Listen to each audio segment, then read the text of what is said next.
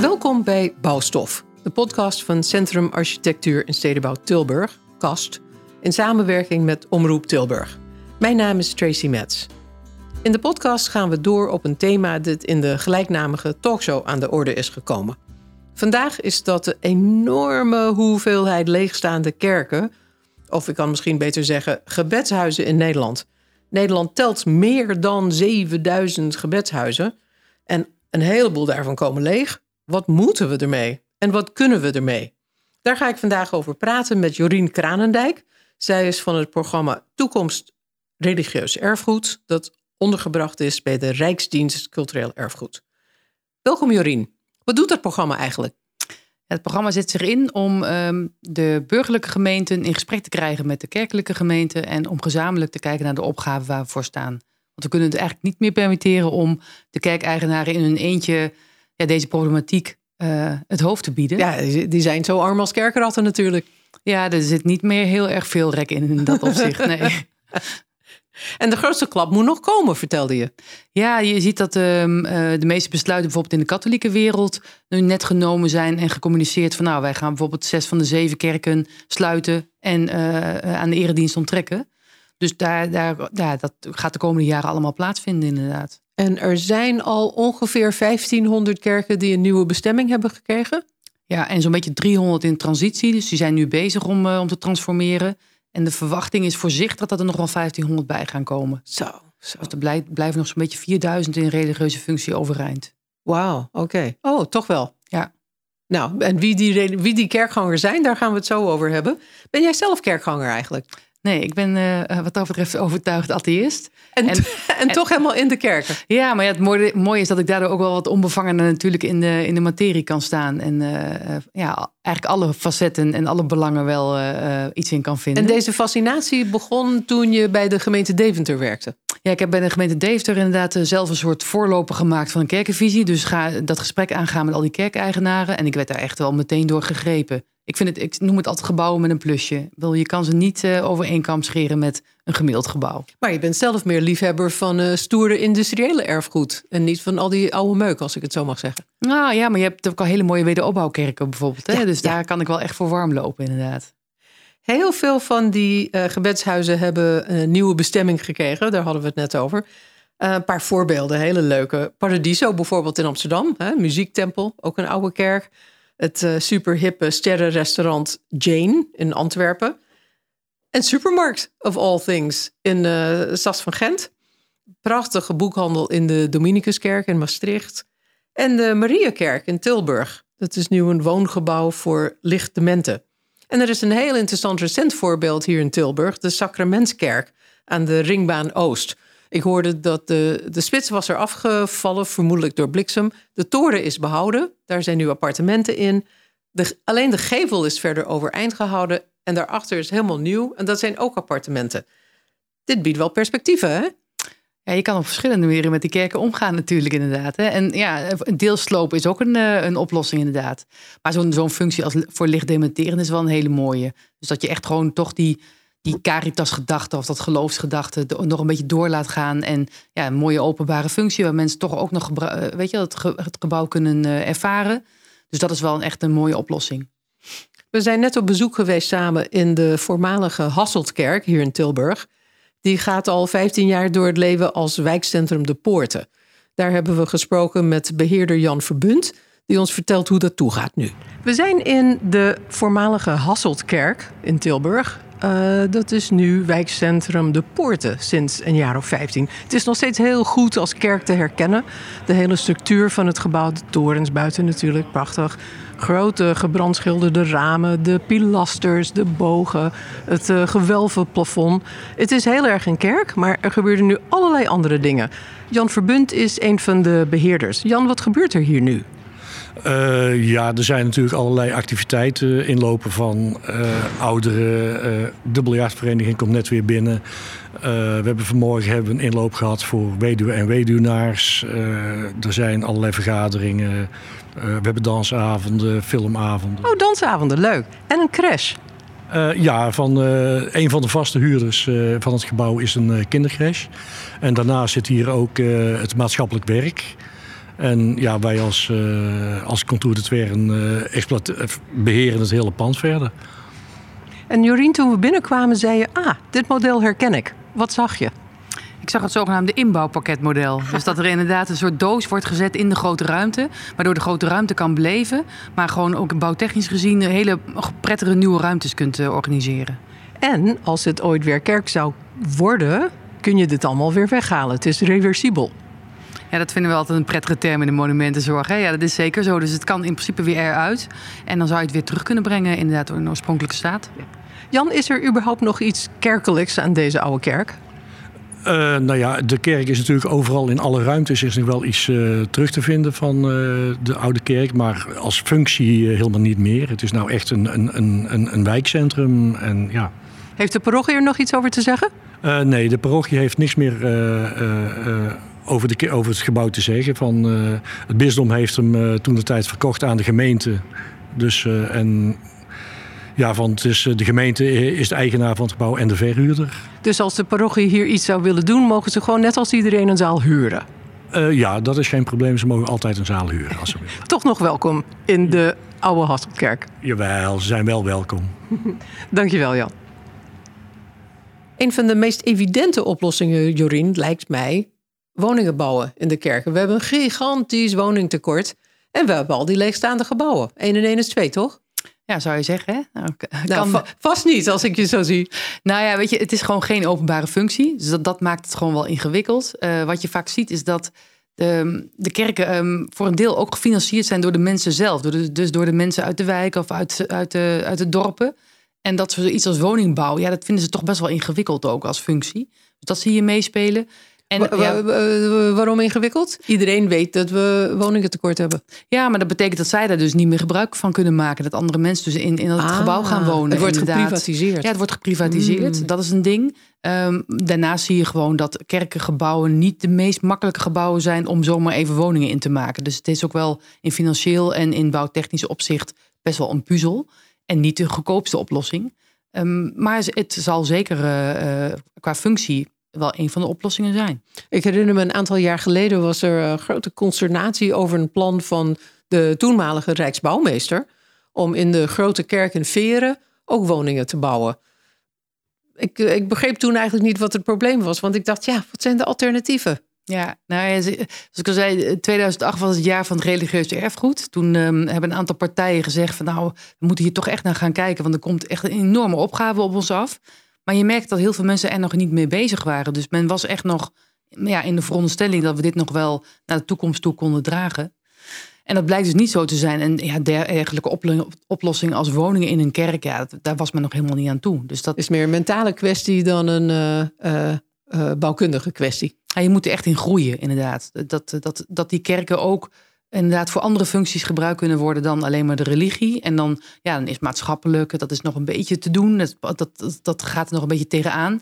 Maar zoals een trampolinepark, dat, wat ook voorkomt. Nee, echt? Ja, dat, is, dat ligt natuurlijk uitermate gevoelig. Dat, dat merk je ook wel. Zelfs ik kan me dat voorstellen. Ja. ja. Maar ja, je kan naar de hemel springen. Ik bedoel, hoe mooi kan het oh, zijn? Mooi, dus in dat opzicht, uh, ja. um, over die emotie die hiermee gepaard gaat. Uh, wilde ik een fragment laten horen van uh, architect Bram van der Sande van Bureau 013. In toertje Tilburg met Tim van de afgelopen talkshow Bouwstof ging Tim langs de verbouwing en nieuwbouw bij het Zusters van Liefde klooster en de herbestemming van de Mariakerk. Hier zijn zorgwoningen ingekomen, zoals ik zei, voor licht dementen. En hij zei daarover het volgende. Ja, ik, uh, ik denk dat dit, dit soort gebouwen en architectuur en, hebben een dusdanige kwaliteit en robuustheid dat dit nog 100 jaar mee kan.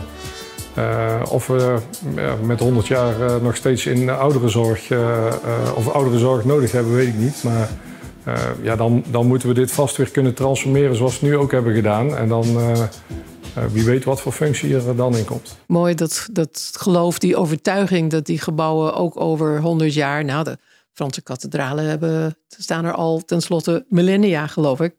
Um, er is veel emotie mee gepaard. En Rijksbouwmeester Floris Alkemade hield een hele mooie column in een uh, tv-programma die uh, Toekomst Religieus Erfgoed heeft gemaakt. Waarin hij het had over dat kerken weliswaar hun noodzaak verliezen, hun functie, maar niet hun betekenis. Nee, dat, en dat is, dat, is echt essentieel als je eigenlijk te werk gaat met een kerkgebouw. Er, iedereen heeft wel een bepaalde, een bepaalde betekenis die die aan het gebouw toedicht. En het hoeft lang niet altijd religieuze betekenis te zijn, maar het kan ook ja, de betekenis zijn van dat, dat je weer thuis komt, omdat je de toren ziet staan, of omdat uh, je, je ouders daar getrouwd zijn. Dus voor, voor iedereen heeft het wel iets. En dat maakt het ook dat het gebouw ja, eigenlijk van iedereen is voor, voor het gevoel, eh, met betrekking tot het gevoel. Maar dat dat natuurlijk voor een kerkeigenaar best ingewikkeld is. Want ja, hij is de juridische eigenaar en hij is degene die erover moet besluiten. Ja, want al die mensen die met een uh, bord voor de deur staan dat de kerk niet weg mag, die trekken niet meteen de portemonnee om het te betalen. Nee, nee dat is absoluut een feit. En dat verwijt wordt ook zeker vaak gebruikt. Aan de andere kant zijn de kerkgenootschappen ook niet altijd heel open geweest om iedereen toe te laten in hun kerk uh, die niet gelovig waren, om bijvoorbeeld mee te denken over de exploitatie of over om vrijwilligerswerk te doen. Dus het is ook een zoektocht om elkaar een beetje te vinden daarin. Het is een hele mooie podcast van de uh, podcast Plattegrond over de Theresia-kerk in Den Haag. Je hebt hem ook gehoord. Vertel het verhaal. Ja, dat is een, een uh, iemand die in een vrouw die in Den Haag komt te wonen in een wijk en erachter komt dat de kerk dus gesloopt gaat worden waar zij op uitkijkt. En um, er ook achter komt dat er nog misschien wel iets terug te draaien valt. En dan in één keer besluit om op de bres te springen met een aantal wijkbewoners. En het voor elkaar krijgt om inderdaad de gemeente te overtuigen dat er geen sloopvergunning wordt verleend. Tot grote frustratie natuurlijk van de Rooms-Katholieke parochie, die al tien jaar lang bezig is om voor elkaar te krijgen om het gebouw te verkopen aan een projectontwikkelaar. Dus je voelt al die belangen natuurlijk oplopen. En ja, het geeft in een notendop zo goed weer welke belangen er allemaal spelen en hoeveel frustratie en ja, activisme het losmaakt en, en die emoties die er allemaal naar boven komen. Nou, uiteindelijk lukt het ze eh, om een nieuwe functie aan te geven, maar wel met een aantal concessies dus ook. Ja, ja echt een, uh, heel mooi voorbeeld van het kerkendrama dat op zoveel plaatsen in het land uh, aan de hand is. Ik vond een heel mooi voorbeeld uit een document van jullie, van het programma Toekomst Religieus Erfgoed, over de aantallen. Verbijsterend. De gemeente Zuidwest-Friesland, de grootste gemeente in oppervlakte in het land, heeft 169 kerken in 89 dorpskernen. Ja. Mijn hemel, hoe moet dat? Ja, nou, dat is voor hun echt een zoektocht ook inderdaad. En wat je wel ziet, is dat wel, wel op zich doen ze dat goed. Dat zij het verbinden aan de maatschappelijke opgave van ja, het meanskip, het, het, de gemeenschapszin. En kijken hoe je dus mensen kunnen in de dorpen zelf kunnen bewegen om ook medeverantwoordelijkheid uh, te, te nemen in, in het bestaansrecht of in het behoud van die gebouwen. En dat is wel nodig, want ja, dat krijg je natuurlijk echt niet in je eentje voor elkaar. Nee, kernen van uh, eh, 200 bewoners met drie kerken. Ja, en daar, ja, daar zullen uiteindelijk ook wel nog misschien een aantal gestopt worden. Want ja, we gaan het echt niet overeind houden met z'n allen. En tegen wie durf je dat te zeggen, behalve tegen mij? Uh, nou, dat, dat durf ik wel te zeggen. Ik zeg ja, altijd van. Het mooiste is natuurlijk gewoon het, het, het normale religieuze gebruik wat er altijd in zat. Als dat niet kan, is misschien nieuw religieus gebruik heel erg fijn. Dan kijk je naar nevenbestemming, uiteindelijk herbestemming. En ja, tijdelijke leegstand is ook nog een optie. Maar sloop is ook gewoon een optie. Het is gewoon één van de opties in de scala die er is. En hoe denken de kerken zelf over sloop? Ik kan me voorstellen dat ze zich eh, met hand en tand verzetten. Ja, dat is dus heel verrassend. Uh, want in principe zijn de kerkgenootschappen, en zeker vanuit de katholieke kant, um, die hebben echt, die vinden ook dat dit gebouw alleen maar voor één functie is neergezet. En dat is het uitoefenen van de, van de religieuze of van de religie. En zij vinden eigenlijk de beste oplossing als dat niet meer kan, dat het gebouw dan gewoon gesloopt wordt. En zij lopen ook nu ook ja, keihard tegen uh, ja, eigenlijk de, de publieke opinie aan die vindt dat die gebouwen gewoon overeind moeten blijven. En dat dat een stukje erfgoed is en dat het van ons is en dat dat niet zomaar gesloopt kan worden. Dus dat is best een ingewikkelde puzzel. En als jij binnenkomt in uh, bijvoorbeeld het gemeentehuis van uh, Zuidwest-Friesland, zeggen ze: Ah, daar komt een grote portemonnee binnengelopen. Ja, dat zou je hopen inderdaad. Ja. ja. Nee, kijk, wij realiseren ons zeker in het uh, programma dat, dat er iets meer nodig is dan de regelingen die er nu aanwezig zijn. Want er is nu geld voor restauratie. dat wordt, kan voor een deel gedekt worden. Maar de investeringen die nodig zijn voor het herbestemmen eh, en het ombouwen van deze kerken, die zijn zo gigantisch. Dat is echt niet zomaar allemaal te regelen. Zeker niet als we met elkaar vinden dat er ook maatschappelijke functies in die kerken moeten. Dat kan je exploitatietechnisch nooit helemaal dichten. Dus we zijn ook nu aan het kijken vanuit, het, vanuit ons programma: van is het mogelijk om een soort investeringsfonds op te richten, die zowel privaat als publiek geld um, nou, aan elkaar koppelt. En voor wie komt dat private geld dan? Ja, er zijn gewoon investeerders bereid om uh, inderdaad uh, voor, voor een bepaald rendement, uh, om juist in maatschappelijke, doel, of, ja, in maatschappelijke doelen dus te investeren. En dit zou een mogelijke nou ja, oplossing kunnen zijn daarvoor. Ik vraag me af, als je kijkt naar dat hele herbestemmingsverhaal van al deze nou, duizenden gebouwen die zo, zo'n emotionele lading hebben, is het eigenlijk terecht dat ze bij erfgoed zijn ondergebracht? Had het niet beter bij economische zaken of maatschappelijke zaken ondergebracht kunnen worden? Ja, nou, daar ben ik het absoluut mee eens. En dat zien we ook heel sterk. Kijk, het is vanuit de erfgoedwereld aangevlogen, omdat natuurlijk een heel groot deel van die, van die kerken ook een, rijks, of een ja, rijksmonument of gemeentelijke monumentenstatus hebben. Dus dan is het, dan wordt slopen natuurlijk, krijg je automatisch meteen met monumentenzorg te maken, met erfgoed. Maar je merkt dus op het moment, dat hoor je ook bij de burgerlijke gemeente terug, dat als ze ermee aan de slag gaan, ze zeggen, ja, maar het is veel meer maatschappelijke opgave. Er komt zoveel bij, bij kijken. Dit niet alleen maar uh, erfgoed ja, dus, dus je merkt ook dat dat wel, eh, wel gelukkig ook opschuift. Dat mensen ook uh, het breder aanvliegen. En ik zeg altijd maar een beetje van ja, een kerkenvisie is eigenlijk bijna een kleine omgevingsvisie. Het is een beetje oefenen vast met alle facetten mee te nemen die er spelen bij, bij een gebouw. Wat is een kerkenvisie? Een kerkvisie is eigenlijk de, de, de verkenning en de visie vormen gezamenlijk met de kerkeigenaren en de, de burgerlijke gemeente en partijen, maatschappelijk betrokken partijen. Zoals de activisten uit de buurt. Ja, precies. Op, op wat gaan we doen met elkaar met deze gebouwen naar de toekomst toe? Want je ziet als je dus gemeentebreed met elkaar bekijkt, dan kan je ook uh, oplossingen op maat bieden. En dan gaan niet alle kerken, wat ik ook altijd zeg, iedere kerk zegt: ik heb de mooiste akoestiek. En ik ga allemaal orgelconcerten organiseren. Als een, als een nieuwe inkomstenbron. Maar ja, als alle kerken dat binnen een straal van één kilometer gaan doen.